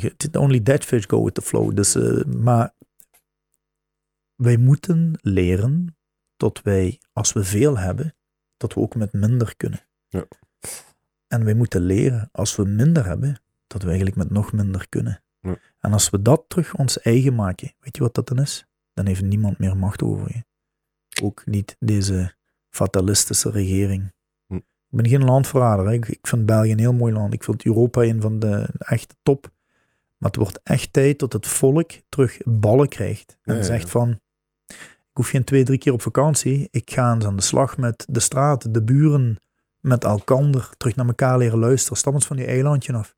Mhm. En dat is iets wat ik, wat ik ook meedraag. Ook in mijn lessen, ook in mijn coaching. En daarom zeg ik, eh, politiemensen die willen trainen zijn welkom. Komen ze? Nee. Geen tijd, te duur, weet ik veel wat allemaal. Vinden tot vadertje staat het moet betalen. Als ik dat soort werk had, ik trainde iedere dag vier, vijf uur, denk ik. Ik Gewoon, gewoon al voor jezelf. Gewoon voor mezelf. Ja, ja. Ik, ik heb- uw kans op in zo'n situatie geraken is Zoveel keer hoger. serieus hoger. Ja. ja, maar je, je loopt op de straat in Brussel. Begin maar, hè. Ja, ja. Congo-straat, oei, mensen zijn half te verstaan, dan moet je er een beetje staan. Je moet er fysiek een beetje staan. Tuurlijk. En als ik dan zie hoeveel politiemensen te dik zijn, ik, ik vraag me af hoe dat kan. Waarom dat er, ja, waarom dat er Weet je waarom, hè? Ik vind dat heel Dat is gevaarlijk. heel simpel, Ja. omdat die gevaarlijk. grens, ik denk, ik denk eh, die grens om politieagent te worden is serieus. Ik denk dat die serieus laag zijn. Ik denk dat die- 100%. En dat, en Omdat dat het te weinig mankracht is. Maar dat is ook wat het cowboy-effect creëert. Hè? Want iemand die denkt dat hij meer heeft dan, iets, an- dan iemand anders, is meestal niet de slimste. Hè? Nee, Iemand, die, iemand die logisch kan redeneren en zegt van kijk, ik, ben, ik werk een opdracht van u. Ik werk een opdracht van u, de bevolking. Hè? In plaats van dat cowboy-gedrag. Ja. Dus, eh, weet je wat, dat is geen cowboygedrag. Dat is gewoon van, ik heb een bepaalde macht en ik vind het prima. Ik noem het eerder een narcist te zijn. Want mhm. iemand die echt in zijn eigen vertrouwen staat. Iemand die echt zegt van, kijk, het, het, allee, een uur geleden heb ik het gezegd. Ik behandel mensen graag hoe ik zelf behandeld wil worden. Ik ben vorig jaar aangehouden door veel te hard te rijden in augustus. Ja, ik had veel te hard gereden. Een hele leuke babbel gehad met die politiemensen, 20 minuten. Want ja, ik moest mijn voertuig laten staan. Wat gaat je opjagen? Nou ja, die heb je gepakt, hè. Nee, eh, Hij was te hard aan het rijden. ik, ik klaar punt aan de lijn. En dat was niet om te slijmen, maar die politiemensen, ja, die, die, die zetten zijn handen in, in, mijn, in mijn raampje of de deur. Ja, meneer, je weet het. hè. Ik zeg, ja, kameraad. Ik zeg, inderdaad. Want die hadden me niet geflitst. Ik dacht eerst dat het een street racer was, zo'n mooie GTI, zo'n Golf, een Volkswagen Was dat GTI. in Brussel, of hè? Nee, dat was eigenlijk eh waterschei als je omhoog draait naar uh, Hier. iedereen. Zijn die hier, zijn die hier ook al met GT's aan bollen, of hè? Ja, maar die dit is normaal straatdienst. Maar die zagen mij al voorbij komen tegen een tempo. Die denken, we gaan even kijken wat die meneer allemaal wil. Ja, die meneer die moest ergens zijn in dus. En ik ben natuurlijk, was natuurlijk niet op tijd, dus wat doe ik? Breng, eh, kijk, die waren heel fair, ook in een verslag. Bracht niemand in gevaar en, en Ja, hield het- afstand. Zijn ook Ja, ja. voilà. Maar snap je, je kunt niet iedereen over één kam scheren. Nee, dat, zijn, waar. dat zijn mensen. Dat is altijd, hè, 100 natuurlijk. ja. Alleen merk ik gewoon de afgelopen jaren dat er... eh, Meer en meer rotte appels zijn. en ik ben heel blij dat ik nog altijd res- respect kan opbrengen voor het ambt. Maar blijf rustig, hè, man. Dat is dat vooral, hè. Ja. Eh, Maar als je een kostuum op, op iemand zet, dat kan al veel doen, hè. ja, maar weet je wat het is? Ik kijk, kijk eraan voorbij. Ik heb, uniform. ik, ik- voor mij is de mens belangrijk. Ja, maakt ja. ook mij op, maar al heel lang. Pff, Ik, ik ben 48 jaar, waar, waar kom je nog mee spelen, jong? Eh, doe normaal. Mhm. Doe, ik ben fout, tuurlijk. Ik neem mijn verantwoordelijkheid. Die, man, die mannen zeiden ook, ja, maar niet iedereen is gelijk jij. Ik zeg, dat snap ik. Ik denk dat je wel iets meemaakt. Maar kijk naar het moment zelf. Ik heb, ik heb jullie net gezegd van, ik bereid me 10 op 10 voor op geweld. Maar dat wil niet zeggen dat als me iemand een duwtje geeft of vies kijkt, dat ik om kan ploffen. We, we zijn geen apen, hè. we zijn Mhm. mensen die, die iets willen bewerkstelligen. Gaaf, hè. Zwaar, ja, ja. 100%. Ja, ja. Laten we dat gewoon met z'n allen eens doen. En zo rustig blijven. Dus gewoon kijken van, allee, is het nu echt nodig? En ik vraag het ook. Ik zeg, heb je hierover nagedacht? Is het ook echt nodig? Mensen hebben er niet over nagedacht. En dan zeg ik er nog een keer, denk je even goed na. Want ik weet het inderdaad, ik ben wat klein en zo. En hoe krijg ik mezelf verkocht? Na de eerste vijf seconden weten de meesten dat wel. Ja, ja. Ik ben heel explosief, ik ben licht ontvlambaar. Ik laat me... Voor mij is het heel simpel. Ja, ja, dat is, als, dat is eigenlijk als, eh, als je al op de grens zit. Nee, maar wat Wat moet is, je al bewijzen? Dat is, dat is, wat is voor mij de grens als u mij... Als u mij niet doorlaat. Als u mij op dat moment opeist. Mhm. Als, als ik hier sta en jij staat voor me. je Een straatsituatie ja, je. Maar dat is in het leven ook zo. Als u mij niet in mijn eigenheid laat, Ja. terwijl ik u niet verstoor, en u vindt dat het tijd is om een keer aan de boom te schudden, en dan kunnen daar niet alleen appelen uitvallen, af en toe breekt een tak af en dan valt die die op je smoel. Hm. En dan heb je die pech, dan Ja, heb je ja. pech. En dan, weg, hè. en als je dan, dan moet je zelf ook maar zeggen, ja, dat was ik zelf. Voilà, dat is Ik zal het. altijd weglopen. Ja. Ik zal altijd zeggen, het is, in orde, maar AB, het is in orde, het is in orde. Dat snap je? Dat, maar niet, niet blijven duwen en dan niet verwachten tot er een weerklank is. En dat is een maatschappij waar we toegegroeid zijn. Er mag niets meer gezegd worden, alles Ja. moet gewikt en gewogen worden. En dat zie je ook met de huidige eh goeroes en profeten die voor ons opkomen met de corona en dat. En maar rond de pot draaien, want ik ben geen man van de harde lijn, et cetera, et cetera. Zwart is zwart, wit is wit. En mensen die met compromis leven, een allemansvriend is niemands vriend. Mhm. Of je hebt een standpunt en je staat daarvoor. En je bent bereid om te praten en je idee te delen. Of je zit zo'n chageraar zo. Tussenin zweeft. Niet te vertrouwen. Ja. Mensen die dat doen, die zijn niet te vertrouwen. Als je, als je overal voor staat, dan sta je nergens voor. Ja, Punt aan de lijn. Klopt volledig. Lijn. Ik wil nog eens terug, terugkomen, want je zei hè, om jezelf te bewijzen of weet ik veel wat, of om mensen weten weten al snel hoe laat het is bij u, omdat Ja. hè, je zit vinnig, je zit snel, je zit explosief. Wat was, ook wat was de grootste tip voor iemand die wat kleiner is, om in een vervelende situatie zichzelf te kunnen verdedigen? Afhankelijk van de situatie. Als het begint, luister, zolang het niet fysiek is, Mhm. is er nog altijd van, oké, dan ga ik weg. Meneer, ik heb hier geen behoefte aan. Het is goed zo. Spreek duidelijk uit waar je wel of niet behoefte aan hebt. Mhm. Ik heb hier geen behoefte aan, ik heb hier geen zin in.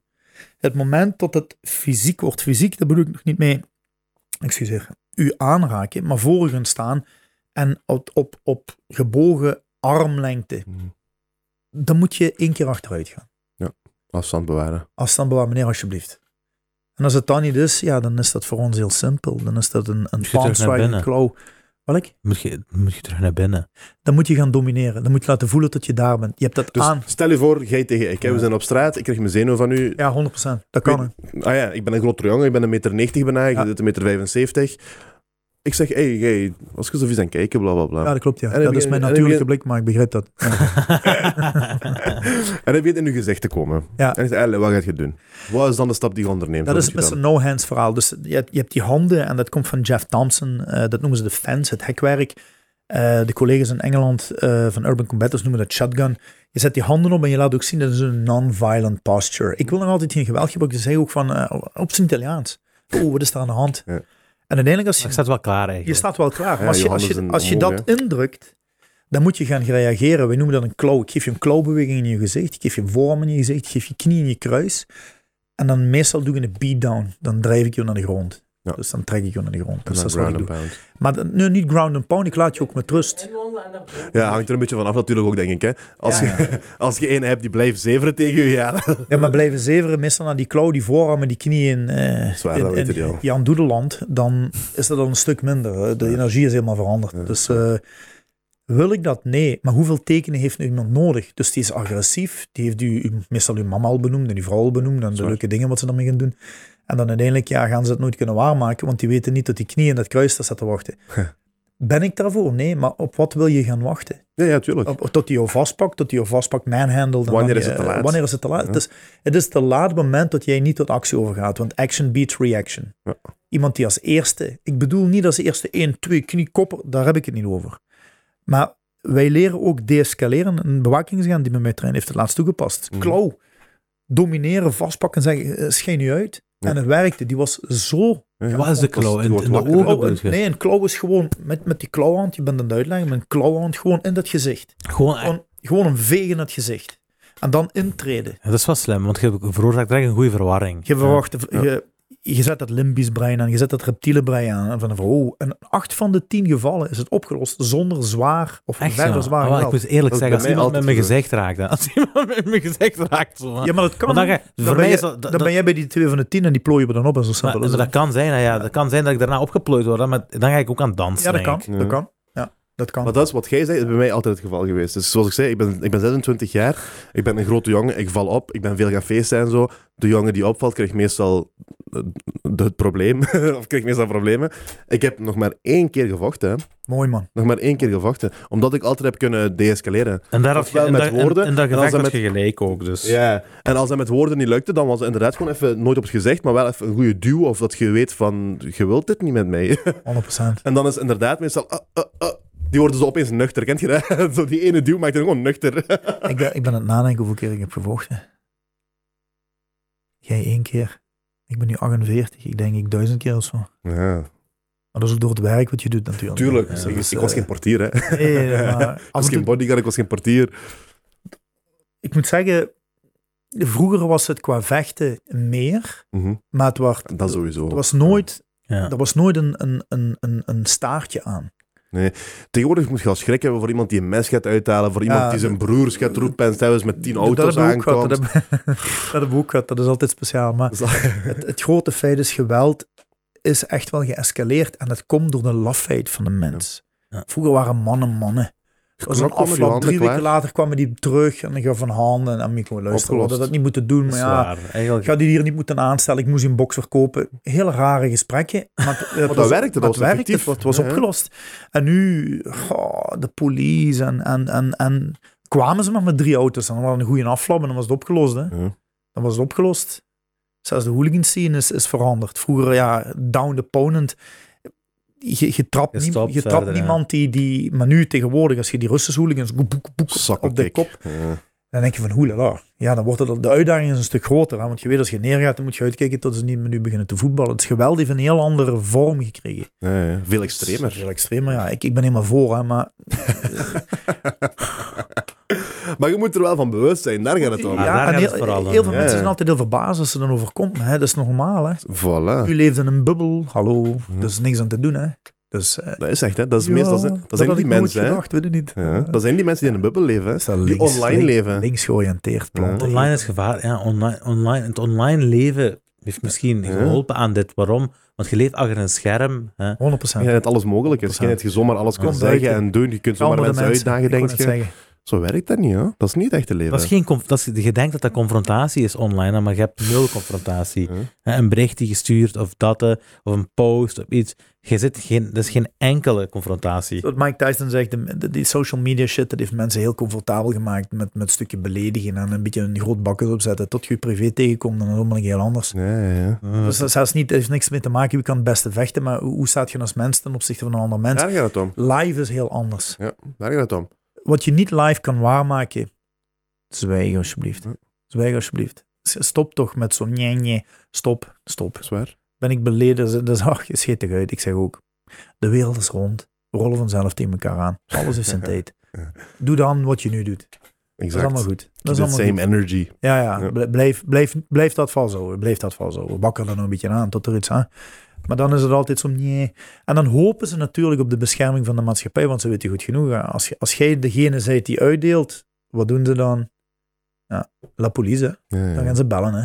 Ik moet, ik moet, ik moet gans toevallig denken aan een ding, aan een scène. Ik heb hier een verhaaltje geweten. Ah, kijk. Ik was in de versus. Uiteraard. Dat is een, uiteraard. We zijn van hout aan, hè. Versus. Nice, nice. Eh, ik ben daar... Ik, voor alle duidelijkheid, ik ben heel fel anti-geweld tegen vrouwen. Ik ben tegen geweld tegen zwakkeren. Ik ga nooit een zatlap rammel geven. Ik ga nooit een vrouw rammel geven. Ik ga nooit iemand onder indruk, eh, onder Invloed. rammel geven. Ik ben gewoon tegen geweld tegen zwakkeren. Als jij zwakker dan mij bent, dan hoef ik niks te bewijzen. Dan ga ik tegen je zeggen, broer, Ja, ja. ga naar huis. Ja. Als, je, als, je, als je goed bent, als je nuchter bent, dan mag je nog eens proberen, maar vandaag gaat het niet worden. In ieder geval. Dus ik ben tegen geweld. Ik ben sowieso al tegen geweld. Geweld is de laagste vorm van, of de laatste vorm van communicatie. Maar niet vergeten dat het nog altijd een effectieve vorm van communicatie is. Helder. Maar het is wel de laatste. Mhm. Ik ga eerst alles, an- alles andere proberen en dan pas ga ik overschakelen naar geweld. Mooi, allemaal niks mee te maken met wat ik nu ga vert- vertellen. Ik ben in de versus, ik ben daar aan het zitten. En eh, nee, ik ben, ik ben buiten aan het staan. Ik was een sigaretje aan het roken. En er, zat, er stond een meisje. En langs dat meisje is een stoel. En ik zeg, die was leeg. En ik zeg, mag ik deze stoel pakken, zeg ik. Die zegt, ah, ja, nee, zegt hij, want een kameraad gaat komen en die gaat hier zitten. Ik zeg, ah, geen probleem, laat me die even pakken. Als uw kameraad komt, zeg dat, ik geef u die stoel, geen probleem. Ja, nee, want die kameraad gaat komen. Ik zeg, ik ga die gewoon pakken, zeg ik. dus ik pak die en ik ga erop zetten. Je geeft een redelijk, je geeft een redelijk eh, tegenargument, snap je? Ja, ja, ik zeg letterlijk, als uw kameraad komt, zegt dat, die krijgt die stoel, geen probleem. Ja, nee, niet pakken. Bla bla. Ik zeg, weet je wat, ik ga die gewoon pakken. zeg jij hem als die komt. Zalig. Dus ik pak die, ik ga zitten, ik ben mijn sigaretje aan roken. Maar ondertussen is dat flippen, dat meisje. Maar ik ben nog niet aan het luisteren naar, ik ben nog niet aan het kijken, ik ben, interesseert me niet wat gedronken, Ze heeft gedronken. Ja. Maar als ik je zeg, die gooit gewoon een fretje met mayonaise. Nee, ja. Zo'n Ah, ja, dat mayonaise hier. Dat is spijtig. Nee, is maar echt- dat heeft me dat boos gemaakt. Hè. Ja, dat heeft me boos gemaakt. Hè. Ja, weet je, daar kun je ook niet van terugkomen. Snap je? Dat is zo... Kun je hebt dat gedaan, Nee. je hebt daar, je hebt daar een, de grens Ik overschreden. heb liever dan een duwtje of zo. Want dat is ook Dus zo Ik onrespectvol. heb een zwarte blouse aan, zo'n witte klodder hier. Doe normaal, begin van de nacht. Ja. Wilt je weten wat ik dan zou doen? Wacht, laat me eerst zeggen een- wat ik zou Ja, doen. ik- ik laat wil me eerst zeggen ja. wat ik zou doen. ik heb mijn sigaret vast. Ik doe die zo tegen haar voorhoofd. Die sigaret. Maar in haar, in haar wereld kan dat niet gebeuren. In haar wereld is dat het ergste van... Die zag dat niet aankomen. Die gewoon te flippen. Waarom? Die is Zo, hè. attacked, maar niet attacked. Ja, Snap die je? Dus van, snapt niet wat, er er net gebeuren is. On- Dus die zag flippen ondertussen. Bla, bla, bla. Ik veeg die dingen af. Ik gooi het ook in haar gezicht hier. Ik zeg, jij hebt geluk dat ik geen motherfucker ben, zeg ik. Want een andere persoon had je tanden eruit geslaan, zeg ik. Jij hebt geluk. Wees blij dat je dit hebt meegemaakt, zeg ik. dat dat had klopt. veel eigenlijk kunnen aflopen. Ja, dat klopt. Ja, Niet meer doen. Denk na voordat je zoiets doet, zeg ik. ja dat Ik ben gewoon weggegaan. Ik heb dat meisje niet meer gezien. Niks, klaar. Maar die had me toen kwaad gemaakt. Wat zou jij gedaan hebben? Dat wil ik Ja, dat is, dat is een, is een vrouw. Die zak frit, die had ik over haar uitgesmeerd. Ja, ziet je. Ja. Ja, dat, dat, kijk, uiteindelijk is het zo. U geeft een actie, u krijgt een reactie. En uiteindelijk, drinken... Ik begrijp mensen die drinken. Goed. Maar drink dan als dusdanig dat je nog altijd jezelf bent. Voilà. Ja. Stop, Ja, ja. stop voor die bas. Stop voor dat je opeens iemand anders wordt. Of dat je emotioneel ontregeld geraakt. Ken dat, je dat grens. is één. Ken je grens. Mhm. Dan heb je dit soort situaties. Het begint altijd bij jezelf. Ja. Dan had ze gezegd, oké meneer, is goed. Misschien tegen een goesting, maar dan wat je met ze gaan zitten zonder dit zatte verhaal bij wijze van spreken. Ja, dat is een zat verhaal. Echt, Ja, dat, en ik zeg dat vaak tegen mensen, wil je geen problemen? Ga vaker naar de kerk, ga vaker naar de moskee. Drink niet, of drink met mate, drink thuis. Geniet dan ook van wat je doet. Wees meer bewust van wat je doet. Daar komt het eigenlijk op neer. Ook met op stap gaan kun je dat doen. Ik heb 15 jaar in het, in het uitgaansleven gewerkt. En wanneer begonnen de problemen? Te veel drinken, gekoppeld al dan niet aan snuif. Mhm. En dan begon het. We hadden een bepaald moment een protocol. Normaal gezien ga je de club niet uit. Ah, je bent binnen, je bent binnen. Ah, normaal gezien bij de vers is dat ook zo. Als je binnen bent, mag je niet gewoon... eh, Zover ik weet mag dat niet. Nee, ja, normaal niet, hè. Weet je ook waarom? Waarom? Dat is heel simpel. Als je naar buiten gaat, dan ga je maar voor één ding naar buiten. Dat is, voor, dat is gewoon voor een, voor een auto je neus te poederen. Ah, oké. ja. En dan heb je dus mensen die terugkomen naar binnen onder invloed. Dat is een potentieel gevaar voor Hm. geweld. Al de andere mensen ben ook. hè. Helder dat. En dan, dus als je geen protocollen hebt, loopt het iets sneller uit de klauwen. Normaal gezien bij wet mag je niet onder invloed zijn. Niet alleen voor het bestuur van een voertuig, maar openbare dronkenschap is nog altijd strafbaar. Dus dat zijn dingen, allee, er zijn wetten en protocollen in werking omwille van. Nu moet je dat natuurlijk allemaal met een korreltje zout nemen, maar het begint bij jezelf. En als die vrouw dit dat willen voorkomen, ja, dan had die eigenlijk heel rustig, als ze zichzelf was geweest, zonder onder invloed te zijn, was er geen enkel probleem geweest. Nee, er was niks En, gebeurd, en zo zie je het, het begint altijd bij jezelf. Ja. Te veel drank, te veel, misschien een slechte week, te snel doorgedronken. Waarom jou die stoel weigeren? Maar dat is niet omdat ik hier nu zit, maar ik krijg dit soort gesprekken heel vaak. Ja, dat Heel ik. vaak dat ik denk van, ja, doe, doe gewoon normaal. Hè. Letterlijk dat. Doe gewoon normaal. Echt waar. Ah, wel, dat is een, dat is een, een, een, een leuke eh, manier om deze aflevering te beëindigen. ja. we hebben er een stevige aflevering van gemaakt. Ik denk dat de volgende gast aan wachten is. Hè? Ja, maar dat maakt niet Ja. Nice.